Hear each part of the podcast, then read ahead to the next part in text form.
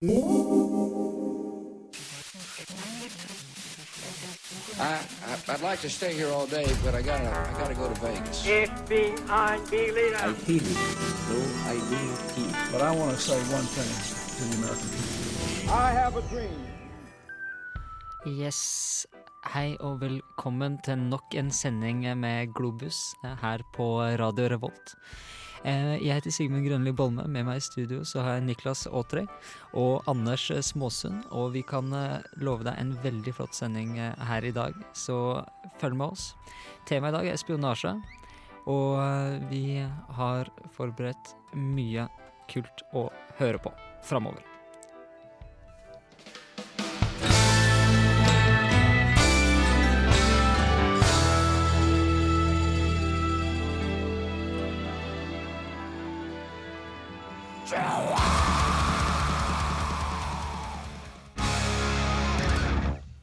Det var Enslaved med The Beacon. Du hører på Globus eh, her på Radio Revolt. Eh, og eh, jeg jeg må nesten spørre de to kameratene mine i studio her. har dere drevet med noe spionasje tidligere? Det er det som er temaet i dag. Um, når, når, når vi var unge, da, så hadde vi vår egen spionklubb. Veldig hemmelig klubb, der vi hadde vårt hemmelige språk. Det var Wingdings. Det gode, gamle Word-språket der med bare symboler. Eh, Så du- vi skrev sånne, de, sånne koder med beskjeder til hverandre. Da hadde spionspråket Wingdings. Ja, Som ingen andre forsto, da.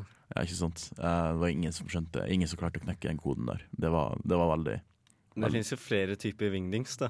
mm, Det gjør det, men altså, det er ganske, ganske enkelt når du først eh, kjenner språket. Ja, for jeg husker at vi løp rundt på skolen vår og prøvde å snike oss inn i friminuttene og sånn. Veldig, veldig kult. Mm. Uh, Det er litt, eh, li, litt mer alvorlig type spionasje vi um, skal snakke om uh, her i dag. Det er stort sett spionasje Noe industrispionasje, men stort sett industri, spionasje mellom, uh, mellom nasjoner. Som seg hør og bør for Globus.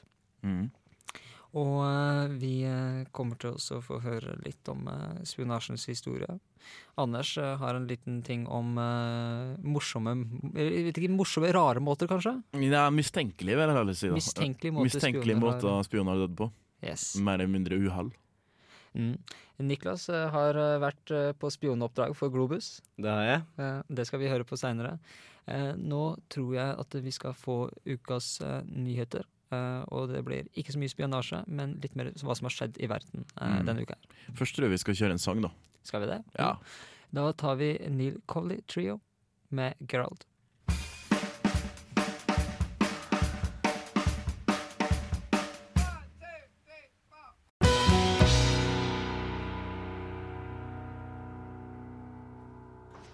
Donald Trump vurderer å stille som amerikansk president i 2012.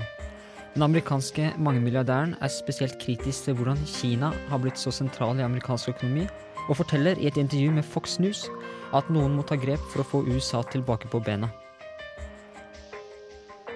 Ti tankbiler med drivstoff har blitt overfalt og ødelagt av opprørere i Pakistan. Tankbilene fraktet drivstoff til Nato-styrker i Afghanistan. Og dette angrepet er det siste i en rekke slike angrep den siste tiden. Dette melder BBC. Som en følge av de siste dagenes terrortrusler mot Europa, så har Nato økt sine droneangrep i Afghanistan.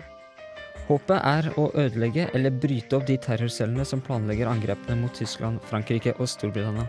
Dette melder BBC. FN-soldater i Kongo har arrestert militslederen oberst Moyele for massevoldtekter. Arrestasjonen er ment å skulle sende ut et signal om at styrkene ikke lenger vil tolerere seksuell vold i konflikten i Kongo. Dette melder Al Jazeera. Sør-Korea opplyser om at de er forberedt på å sette i gang en lang propagandakrig hvis Nord-Korea fortsetter med sine provokasjoner. Meldingen er ment å skulle legge press på Nord-Koreas nye militærledelse, som bl.a. innbefatter sønnen til Kim Jong-il som firestjerners general. Dette melder The New York Times.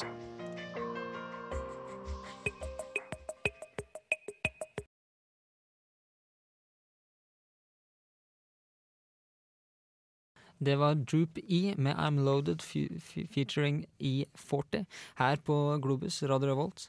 Eh, du har akkurat hørt eh, på nyhetene. Eh, og Niklas, hva, hva, hva syns du? Tror du Donald Trump kunne gjort seg som en president i USA? Um, Nå skal jeg ikke si jeg vet sånn veldig mye om Donald Trump, men jeg vil bare gjette. Jeg føler det lukter litt at han er republikaner. Ja, det er vel stort sett eh, sånn som jeg fikk med meg av det intervjuet, så er det stort sett republikanerne han, eh, han vil velge å stille for hvis han skulle stille som president. Han er jo eh, en kapitalist. Eh, og, men det som Donald Trump er redd for, og som det går fram av det intervjuet, hvis man ser på det, er at han er livredd for kineserne. Ja, det er det jo flere som er. Ja. Han sier blant annet at uh, han har møtt kinesere som sier at de skjønner ikke hvordan de kommer unna med alt de gjør i USA. Og han er livredd for at eh, Kina skal rive i stykker den amerikanske økonomien. Um, det skal sies da at den amerikanske økonomien har kanskje en god stund vært revsund fra innsida. Uh, og hadde det ikke vært for Kina, så hadde kanskje mye av uh, Amerika egentlig bare kind of kollapsa. Eh, Det kan du godt si. Sånn, eh, Kina og Amerika er et veldig interessant, uh, interessant eh, forhold. Eh, de lever litt i en symbiose. Og Mm. selv om uh, Kina på mange måter har overtaket, så klarer de seg ikke uten amerikanerne. Nei, og vice versa. Ikke sant.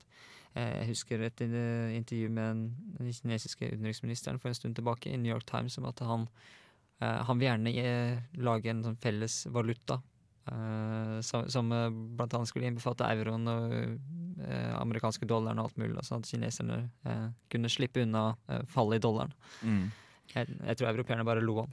Ja, eh, men det her har jo vært Det var jo tema helt til euroen ble stor og sterk. da At her var det, ja, nå var de tre store eh, sto, store valutaene som var gjeldende. Jeg tror det var en eh, kineser som sa det. Da hadde jo liksom Ja. Det var kinesisk og amerikansk og europeisk valuta da som var de tre gjeldende på verdensmarkedet nå. Mm. Allikevel er punden fortsatt mer verdt enn alle, alle tre. Det er sant. Så britene holder, holder litt, litt grann igjen fortsatt. Mm, mm. Uh, men hva syns dere, hvordan tror dere det går i Afghanistan? Um, dårlig. Rett og slett. Det var ikke så Jeg har Brukt lang tid nå på å skjønne helt hva de gjør der, men jeg vet fortsatt ikke. Nei. Uh, så lenge de begynner å angripe konvoien i Pakistan og stoppe Mm. forsyningene, så kan vi vel bare Vi kan jo kanskje se det litt i kontekst med Osama bin Ladens siste uttalelse, som har vært veldig veldig mye snillere enn det, det man har hørt fra tidligere. Nå som man da har kommet ut med at ja, vi må jo ha nødhjelp til eh, plassene i Pakistan, eh, der, eh, der man ja, ikke tidligere har hatt så mye hjelp. da. Og så har du den andre den her med at uh, han også da vil uh, at man for, må fordele godene. da. Så han har blitt både miljøverner og litt sosialist, uh, han Osama bin Laden, nå i det siste. Same er i ferd med å bli en fin fyr, ser det ut som. Ja, han prøver i hvert fall Jeg tror det er en ny PR-kampanje for at han har litt dårlig PR i, i mange muslimske land. da At han skal nå prøve å få gjort noe med det. Kanskje det hadde vært jobb for oss, Anders? Ta så snakke, snakke litt for Osama. Mm. Kanskje amerikanerne kunne hatt noe å lære av han? Muligens. Jeg så eh, en kar som sammenligna Petray sine trusler om å gå inn i Pakistan med, med Vietnamkrigen den, når de gikk inn i Kam Kambodsja. Ja. Eh, Så vi får se hvordan det hele spiller ut. Det er en litt, litt, litt annerledes situasjon, heldigvis. Ja. Enn det du hadde der. Eh, nå eh, tror jeg du skal få Spook Matambo med Mishini Vam.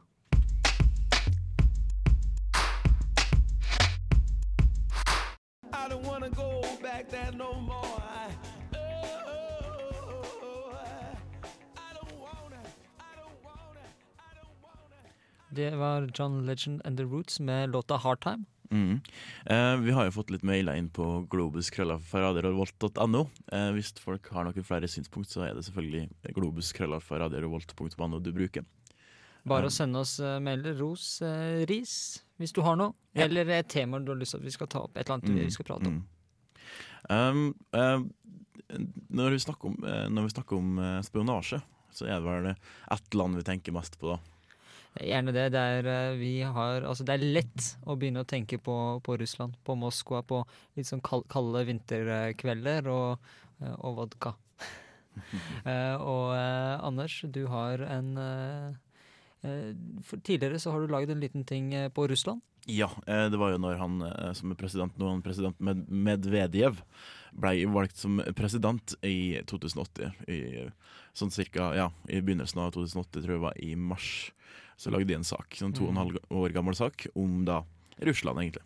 Vi skal iallfall få lov til å høre på den, eh, nå som det etter hvert kanskje ser ut som det er maktskifte på gang i Russland. En gang, for nok en gang. Russland er verdens største land. Det strekker seg gjennom to verdensdeler, fra Stillehavet i øst til St. Petersburg i vest. Russland dekker 17% av jordas landområder, og er 60 ganger større enn nabolandet Norge. Det grenser også til landene Finland, Estland, Latvia, Hviterussland, Litauen, Polen, Ukraina, Georgia, Aserbajdsjan, Kasakhstan, Kina, Mongolia og Nord-Korea. Og hovedstaden det er Moskva. Det er et land med lang historie, og det måtte brukes mange sendinger for å kunne komme gjennom alt. Men jeg skal prøve å komme gjennom det viktigste. De første folka i Russland var nomadiske stammer, og det var mange kongedømmer og fyrstedømmer som styrte deler av det som vi i dag kjenner som Russland. Mange av disse rikene gikk under da mongolerne kom. Fyrstedømmet Moskva utnyttet at mange av rivalene var slått, og i det 15. århundre utvida storfyrsten av Moskva storfyrstedømmets landområder betraktelig. Storfyrsten med størst suksess var Ivan den store, som danna et grunnlag for en russisk nasjonalstat. Gradvis var den russiske herskeren enveldig, en tsar. Etter ei lang tid med uro på 15- og begynnelsen av 1600-tallet møttes en nasjonalforsamling med representanter fra 50 byer. Disse valgte Mikhail Romanov til ny tsar. Romanovene kom til å styre Russland helt fram til 1917. Under Romanovene vokste Russland seg stor og mektig. De tre som gjorde mest for Russland, var Peter den store, Katarina den store og Alexander, som ikke var stor, men som jagde Napoleon tilbake til Paris i 1814. Men så begynte det å gå dårlig økonomisk. Under den industrielle revolusjonen vil Russland henge lenger og lenger bak Vest-Europa. Politisk feilskjær og en skrantende økonomi svekka landet, og i 1917 gikk det galt, og det ble borgerkrig.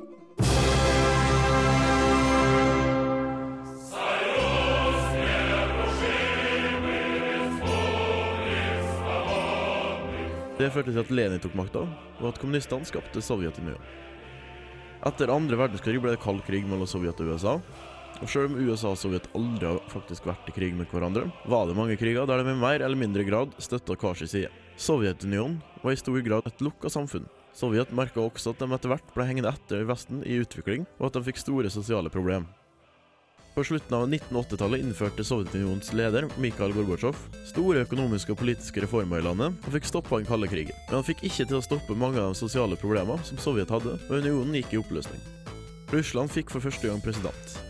Den vodkaglade Boris Jeltsin. Han hadde ei turbulent regjeringstid, der han var i krig mot Tsjetsjenia, holdt på å ende opp i en borgerkrig med sitt eget parlament, og holdt på å gå i krig mot Vesten over en norsk værsatellitt.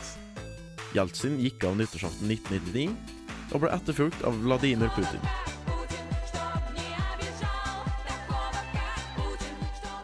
Putin har senere stått for en stabilt styre med økonomisk vekst, men har samtidig fått kritikk fra Vesten med påstander om bruk av udemokratiske midler. Han har òg blitt beskyldt for bl.a. å fengsle og forgifte motstandere. Nå har det nettopp vært presidentvalg, og en ny president har blitt valgt. Man kan spørre seg, vil den nye presidenten bli en stor hersker, eller enda en anonym byråkrat? Viktig blir det, ikke bare for verdens største land, men også for resten av verden. Det var Anders Måsund eh, om eh, Russland. Mhm. Du hører på Globus eh, her på Radio Revolt. Og Niklas, du stussa litt på at vi syns Russland var et spionland. Um, nei, ikke at det er et spionland, men at det er spionlandet. Over all, at det er bare ett land. Ja, OK. For jeg tenker jo Gjerne kalde krigen ser jeg på som en sånn spiongreie, og da er det jo to parter involvert der. Mm, Du har vel amerikanerne også, ja. Eh, men eh, Anders, du, har ikke, apropos Russland, USA og Ja. spioner. De har jo vel ikke gitt seg helt med spionasjeting enn russerne, i hvert fall ikke, antageligvis ikke amerikanerne heller. Eller nordmennene, for den del. Nei, det, det, det henger litt etter. men Det, det er ikke så veldig lenge siden at eh, ti russiske spioner ble arrestert FBI eh, mm. i USA. Ja. Eh, hva, hva var egentlig bakgrunnen for det? Hva, Um, altså det, det var jo det at eh, de da hadde rett og slett overvåka mange sånne sleeping cells omtrent da, uh, i USA. Som da var Ja, som rett og slett var russiske spioner undercover da, og levde vanlige, normale liv i USA. Der du hadde alt fra liksom familiefaren da, som bodde i en forstad, da, til da en veldig skjønn eh, pike som uh, for rundt levde jetset-liv i New York. Ja, du nevnte tidligere at du i hvert fall hadde blitt lurt av hun. Ja, altså Jeg hadde jo ikke sett for meg at hun var en eh, spion. Nei. Nei, ikke sant. Mm. Nesten, nesten som en James Bond-film. eh, Det er en litt sånn, hun er litt sånn Pussy Galore, altså, egentlig. Ja. Ja. Ikke sant. Men eh, de, det ble iallfall egentlig ganske mye diplomatisk krøll, men det ser ut som de har løst det nå. Mm. Alle parter tok seg på en måte sammen og sa at OK, det her er sånn som det skjer. Mm. Nå Det går her, vi er- videre. vi har gjort det her i mange mange år Ja, før, ja. så det, det går fint. Vi bare bytta litt. Amerikanerne er bare glad for at Ja. de ikke ble tatt av denne gangen. Mm. De fikk jo bytta litt uh, spioner fram og tilbake. Da, så det ble, jo, det ble jo ordning på det til slutt, da. Men det var jo fremdeles litt sånn, sånn oppstuss rundt det. Ikke sant? Det. Men det viser jo da at det fremdeles, da, selv om fokuset kanskje nå er på helt andre ting, som f.eks. terrorisme, så er det fremdeles eh, spionasje på hverandre. Ja, og de store, store nasjonene vil alltid ha Alltid har lyst til å skaffe seg best mulig uh, informasjon om, om motstandere Mm. og pot potensielle motstandere. Ikke bare de store nasjonene, altså små nasjoner. Du nevnte, nevnte Israel tidligere, Niklas. At det, Eh, ja, det stemmer. De har jo en verdens største, tror jeg, base for uh, overvåkning av eh, kommunikasjon via satellitter og diverse ting. Telefonavlytting og sånne type ting. Israel er kanskje det landet i verden som mest trenger det, med så, så mange fiender på, på alle kanter. Ja, der, er, der snakker vi om å være kringsatt av fiender. Altså. Ja, ikke sant. Eh, Nå skal du iallfall få Outcast med Rosa Parks.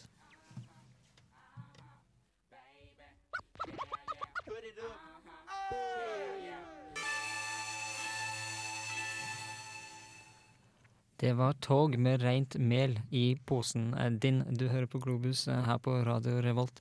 Temaet i dag er spionasje.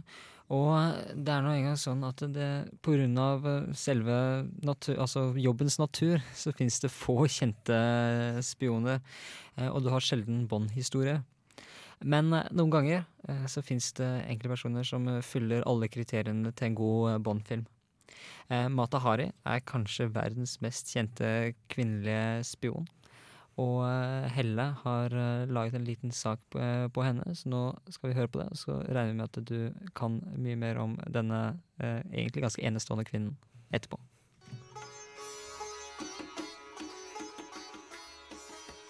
Eksotisk danser, forførerinne, sagnomsust femme fatal og dobbeltagent. Vet du hvem vi snakker om? Hennes liv og virke er på mange måter myteomspunnet, og historien hennes er kanskje mer legende enn virkelighet. Til den dag i dag vet man ikke hele sannheten om henne. Men hvem var egentlig Matahari?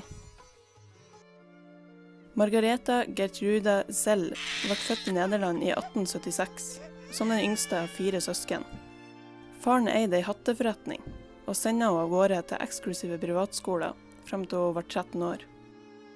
Da gikk familien konkurs, og Margaretas mor døde bare to år senere. I årene som fulgte, bodde Margareta periodevis hos diverse slektninger til hun fylte 18 år. På dette tidspunktet fant hun sin fremtidige ektemann, Rudolf MacLeod, i en annonse i lokalavisa. Dette skulle imidlertid vise å være et dårlig valg av livspartner, Rudolf var både voldelig og alkoholisert. Ekteskapet tok etter hvert slutt, og i 1903 flytta Margareta til Paris. Her tok hun fatt på sin karriere som eksotisk danser. Det var på dette tidspunktet at hun tok scenenavnet Matahari, som direkte oversatt betyr 'soloppgangens øye'.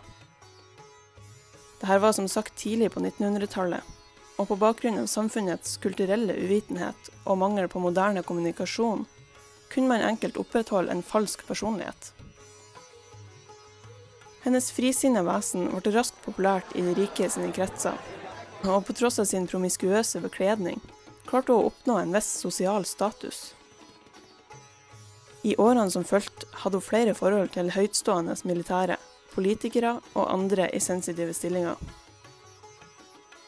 Under første verdenskrig kunne hun fritt krysse landegrenser som følge av Nederland sin nøytralitet. Her reisene tiltrakk seg raskt oppmerksomhet, og etter hvert fikk hun rykte på seg for å være ei farlig forførerinne. Hun endte opp som en brikke i et militært spill, og dette var utgangspunktet for hennes karriere som spion. I et intervju med britisk etterretning skal hun innrømme å ha arbeidet som agent for den franske hærens etterretningstjeneste. Dette er imidlertid ikke bekrefta i ettertida. Hennes oppgave var å samle informasjon om tyskerne, men hun innhenter aldri noe mer enn utdaterte koder. I januar 1917 ble beskjeden plukka opp over radio, der en tysk militærattaché beskrev de hjelpsomme aktivitetene til en tysk spion med kodenavn H21. Fransk etterretning klarte senere å identifisere H21 som Matahari, og kildene sier at hun har vært i opplæring på et topphemmelig tysk spionasjeakademi. Krigen hadde etterlatt Frankrike i en utmatta tilstand, og hevnlysta blant befolkninga var stor. Anklagelsene om spionasje tok form av en heksejakt, og i februar samme år ble Matahari arrestert på et hotellrom i Paris. Hun ble stilla for retten og anklaga for å ha spionert for Tyskland, og indirekte ha forårsaka døden til 50 000 soldater. Den 15. oktober 1917, 41 år gammel, ble hun ført ut i et skogholt og skutt. Mange er fremdeles overbevist om at Matahari ble uskyldig dømt. På mange måter var det nok ikke hennes aktiviteter som spion som kosta henne livet, men kanskje heller hennes evne til å bruke sin egen seksualitet som et våpen.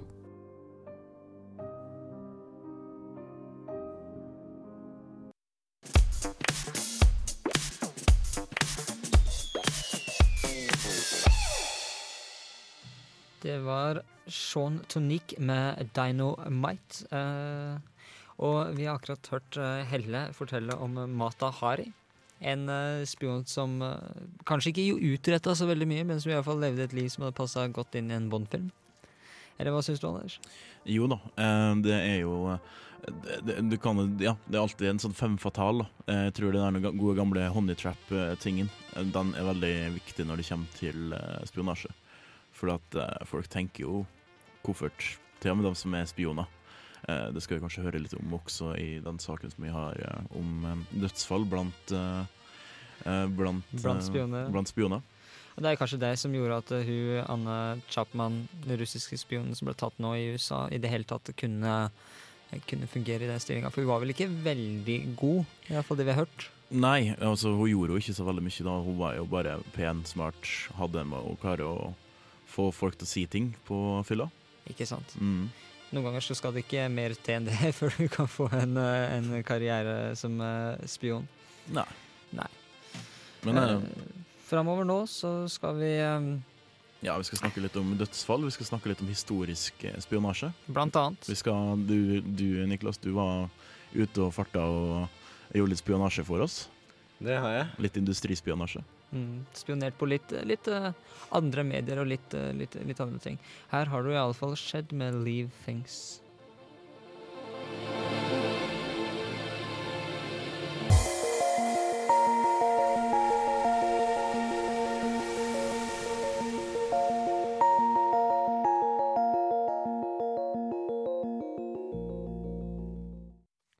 Det var det Big Complex med eh, sangen Little Oranges.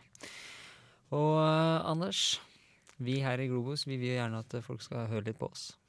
Det vil vi. Eh, og det går jo an å høre på oss på iTunes. Um, hvis du da søker oss opp der nå, så finner du da Globus som en uh, podkastmulighet. Vi har vært kanskje litt sløve med å legge opp alt vi kan på podkast, men det kommer eh, med tid og stunder. Eh, det er litt hektisk for alle sammen.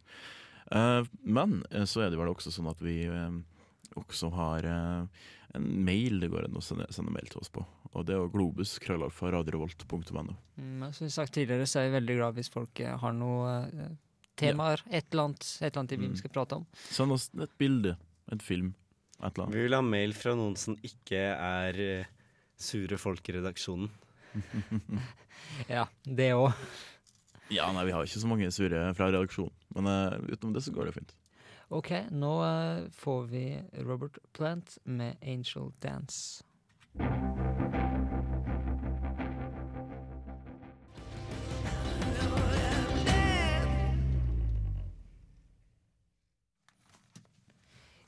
Robert Plant med 'Angel Dance'.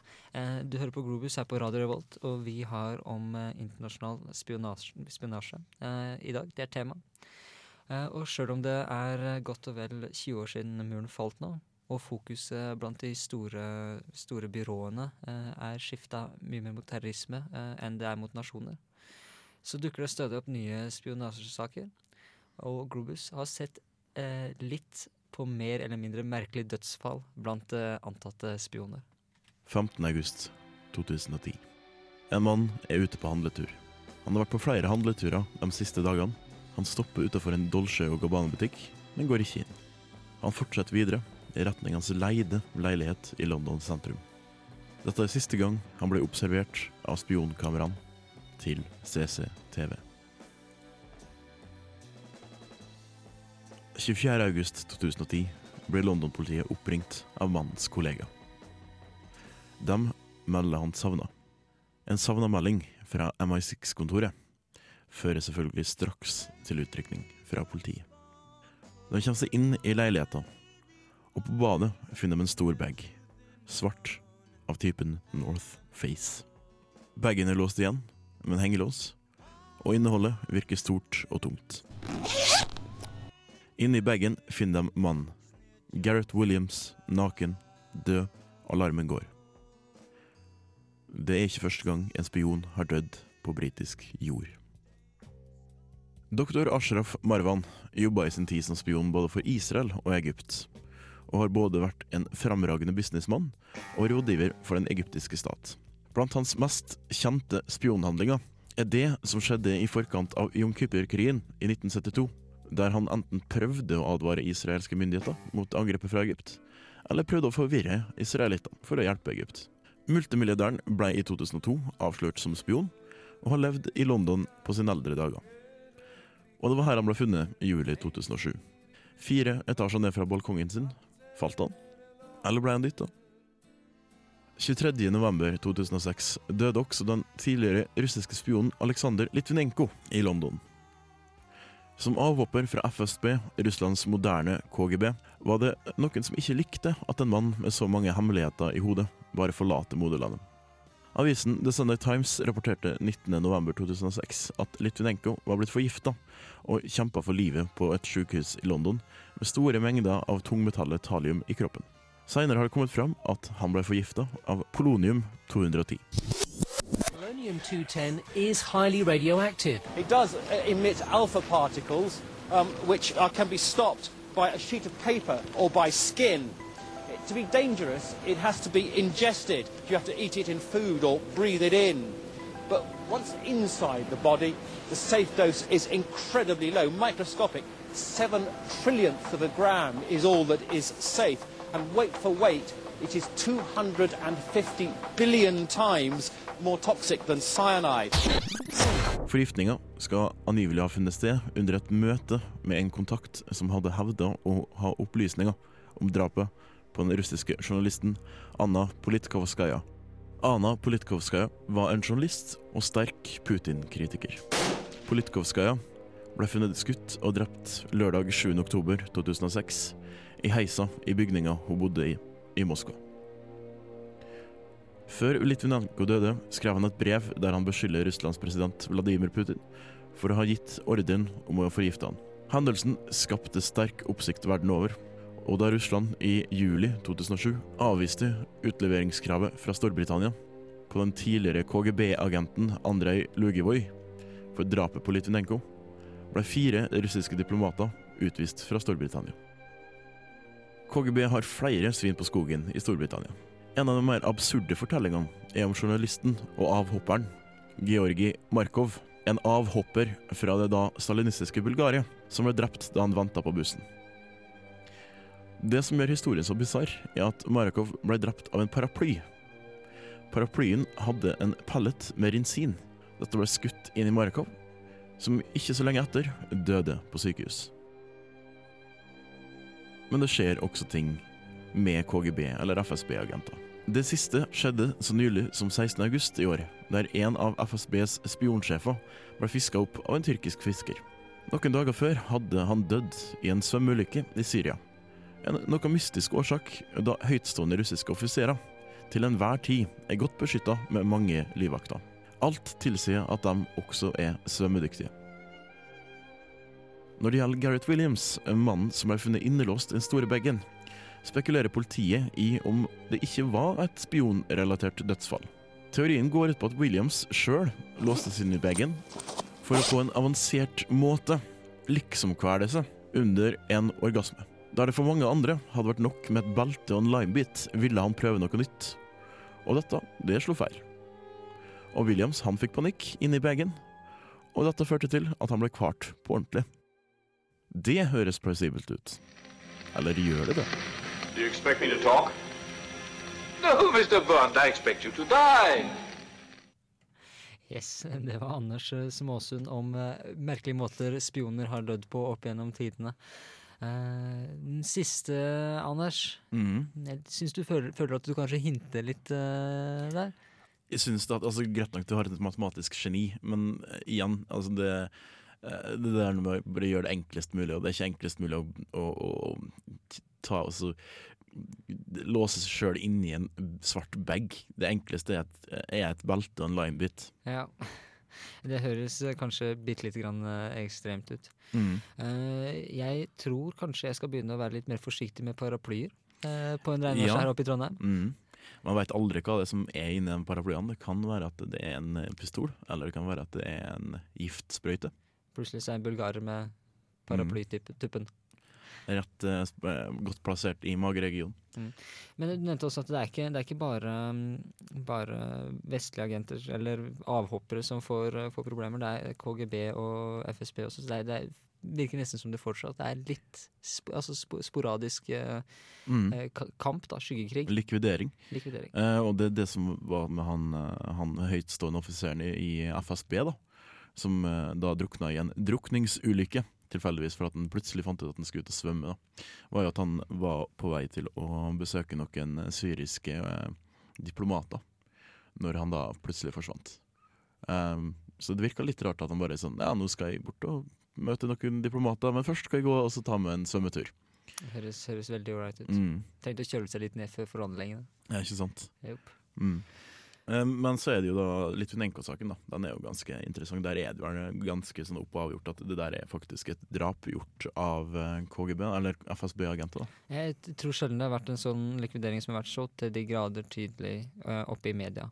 Mm. Eh, vel, veldig åpenbart at det er i hvert fall et eller annet, et eller annet gærent her som har, som har skjedd. Ja. Eh, etter hvert så skal du få høre litt mer om eh, spionasjens eh, historie. Og så sender vi eh, Niklas eh, ut på oppdrag Mm. for å spionere på de andre mediene her på huset. Eh, nå har du Grinderman med Mickey Mouse and The Goodbye Man her på Radio Revolt. Du hører på Globus. Hold følge med oss framover.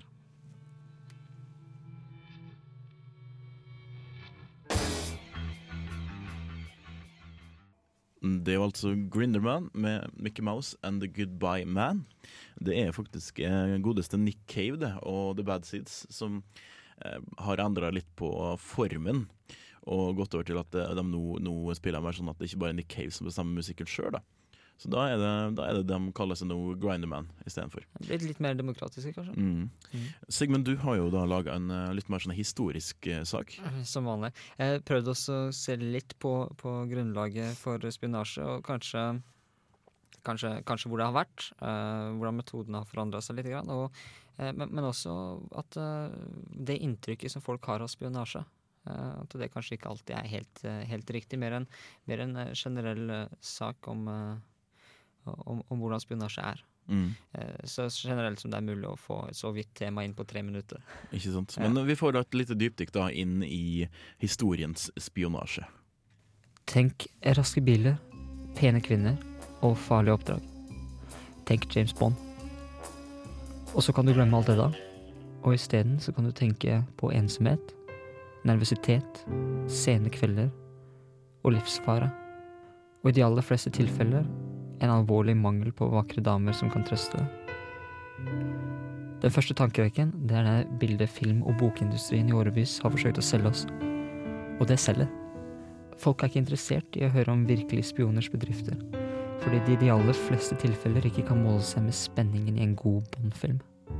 Likevel så er det de ekte spionene som alt dette er basert på. Spionasje har lange tradisjoner. Helt tilbake til de romerske preventorene som forstyrret germanske stammer bortenfor imperiets grense. Elisabeth 1.s rådgivere var sentrale i å avdekke komplott mot dronningen, og under napoleonskrigene så hadde både Frankrike og Storbritannia agenter spredd rundt over hele Europa. Spionasje er altså ikke noe som har dukket opp plutselig under verdenskrigene, men har eksistert så lenge som menneskeheten har ført krig, og så lenge som menneskeheten har hatt behov for å vite hva fienden tenker og planlegger. Det er bare metodene som har forandret seg.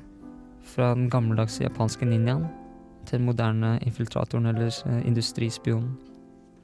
Selv om spionasje har eksistert i så mange år, og veldig mange former, så var det den kalde krigen som virkelig satt spionene i førersetet. Konflikten mellom USA og Sovjetunionen har blitt kalt agentenes krig. Uten noen form for klassiske militære sammenstøt, så var det spionbyråene, sånn som CIA, KGB eller James Bonds eget MI6, som utkjemper slagene. Denne skyggekrigen var på ingen måte snillere enn det en virkelig krig ville vært, og kanskje mer brutal. Begge sider kunne være nådeløse når de møtte motstandere, når de følte at deres interesse var truet.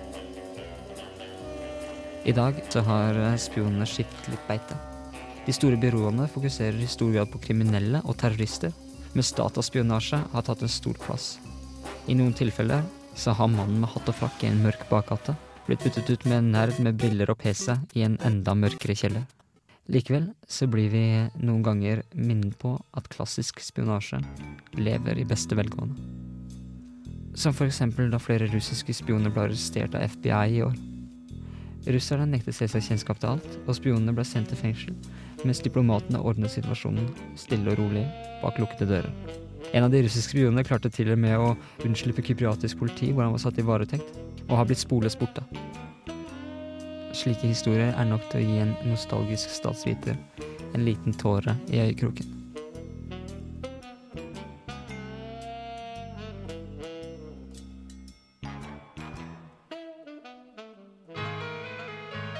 Nå får vi Amorphis med Black Winter Day. Yay!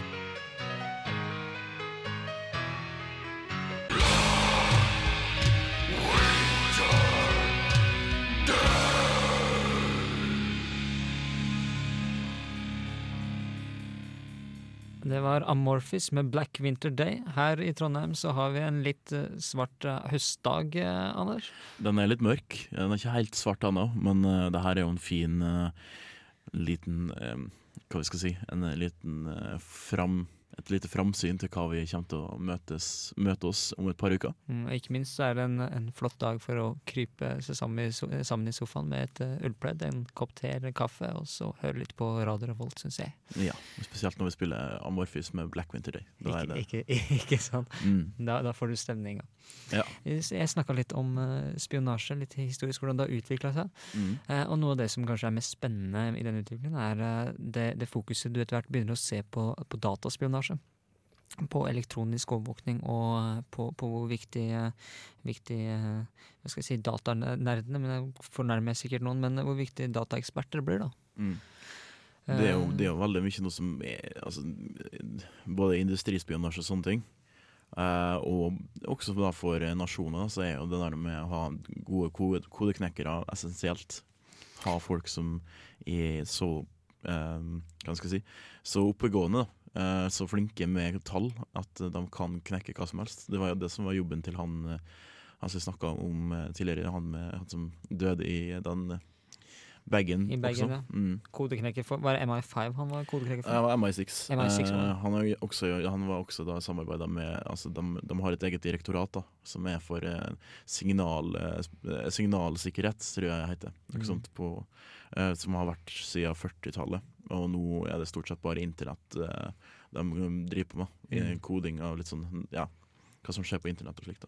Og for, for stater så blir det viktigere og viktigere å holde, holde sitt eget nett, sine, sine egne datasystemer eh, frie. Definitivt. Samtidig som man kan angripe. Bare, bare se på eh, det antageligvis Israel har gjort med iranske datasystemer nå. Slått nesten helt ut. Mm. Klarte de å nesten slå ut Indonesia også, men eh, det er de vel antageligvis ikke så veldig lei seg for når alt, alt kommer til alt. Nei, jeg tror jeg vet spesielt Iran. da Så jeg tror det er veldig taktisk lurt av, eh, av Israel å, og, og prøve å holde dem unna mest mulig. Ja, og det er kanskje en fin måte å tro at vi vet hva vi gjør, for at vi har bedre folk enn dere. Ja, og så er det mye enklere å angripe, angripe elektronisk enn eh, enn det er å angripe hvor du kan risikere å få, få menneskelig, menneskelig tap. Mm. Jeg erfarte det når jeg var ute. Du gjorde det, ja? Ja. Mm. Hvordan da? da? du var ute på Nei, når jeg spionerte på studentavisa under dusken. Ja, At det var lettere, lettere å bruke Det er mye lettere å ikke bli oppdaget når man ikke trenger å være til stede selv. Det er jo Og hvis du blir oppdaget, så er det ikke noe umiddelbar fare for liv og helse. Nei, ok. Eh, vi gleder oss i hvert fall til å høre mer eh, om eh, det, Niklas. Eh, nå kjører vi Dark Throne med 'Raised on a Rock' for å fortsette på temaet som vi hadde med Amorphis.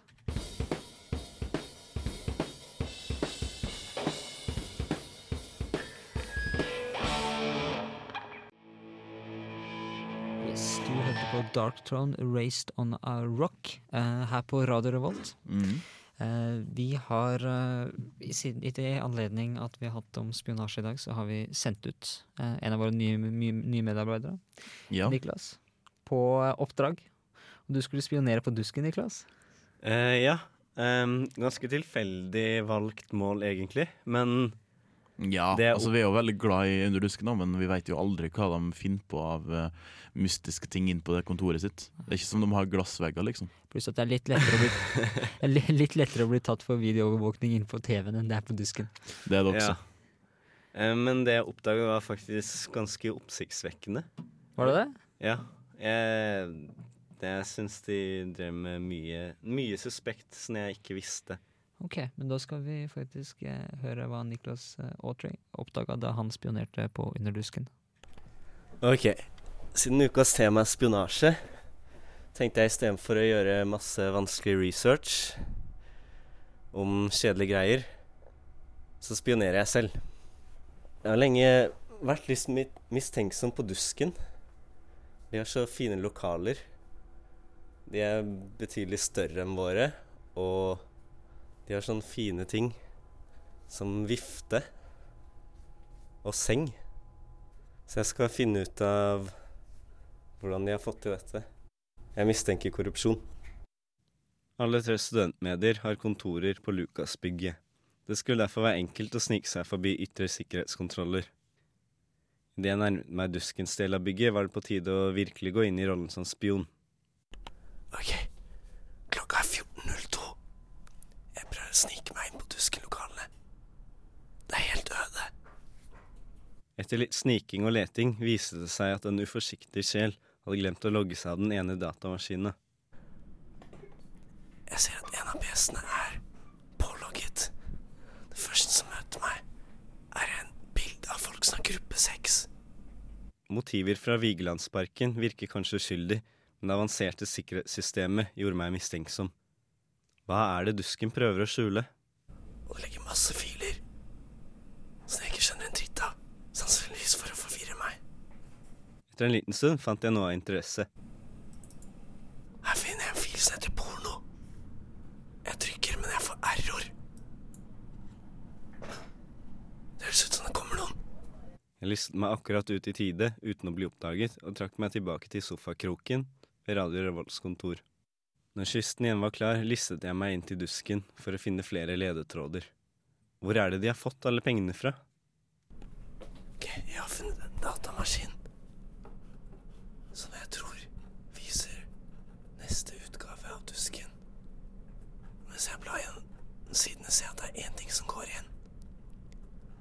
Alle artiklene handler om samfunnet. Er det mulig at Dusken mottar støtte fra samfunnet?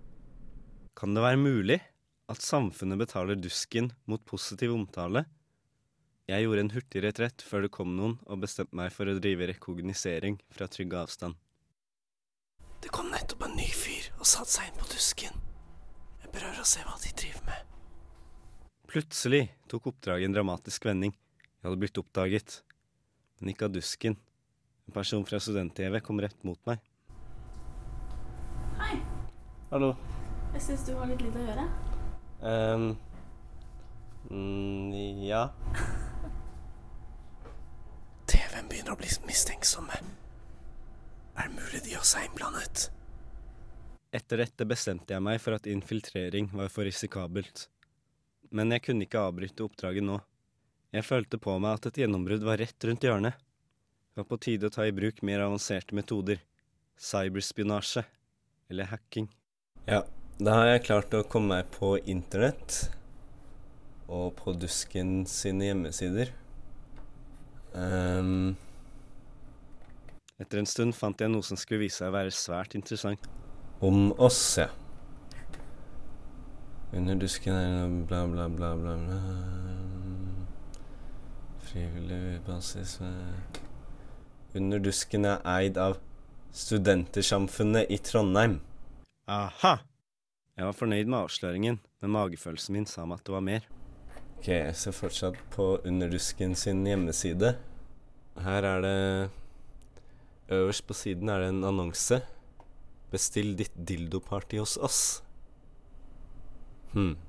Underdusken reklamerer da for en bedrift som selger dildoer og andre ting. Det der vet jeg ikke hva jeg gjør engang. Her har de anale leker, frekke leker, moroting. Men det jeg fant var alt annet enn moro. Hm. Jeg skjønner ikke helt hva det her er.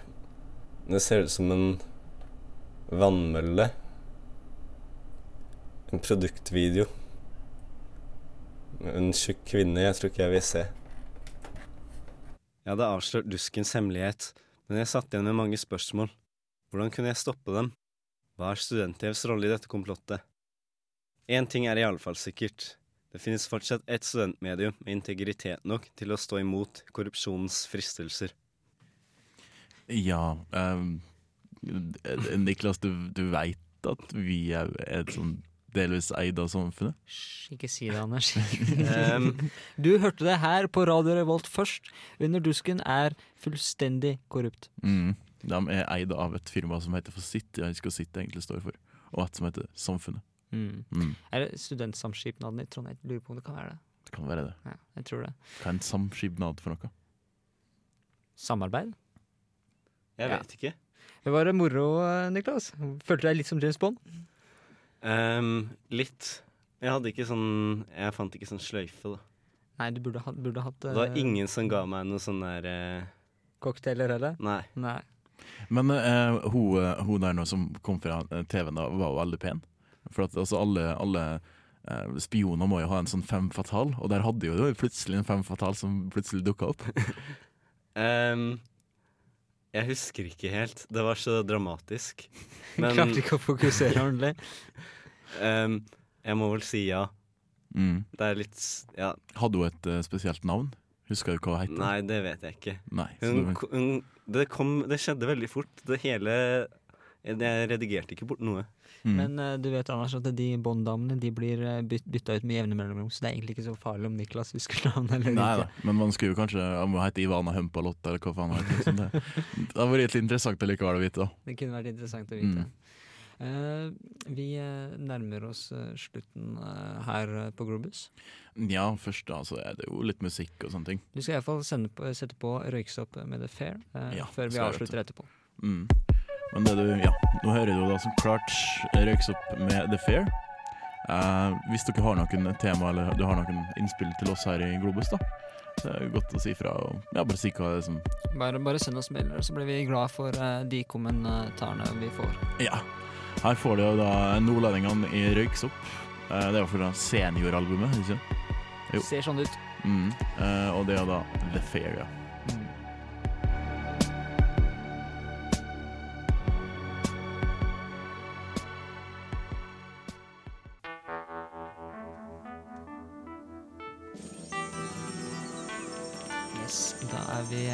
Kommet til veis ende her i Globus-sendinga. Temaet i dag eh, har vært eh, spionasje.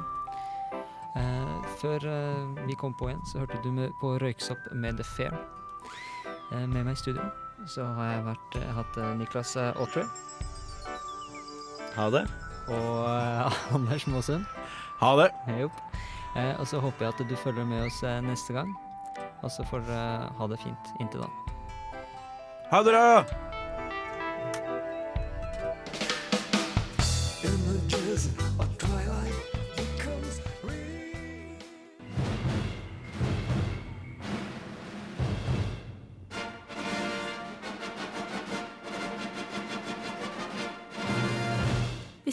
elsker Globus like mye som Globus elsker deg, Last oss ned i iTunes og ta oss med ut i verden i din MP3-spiller.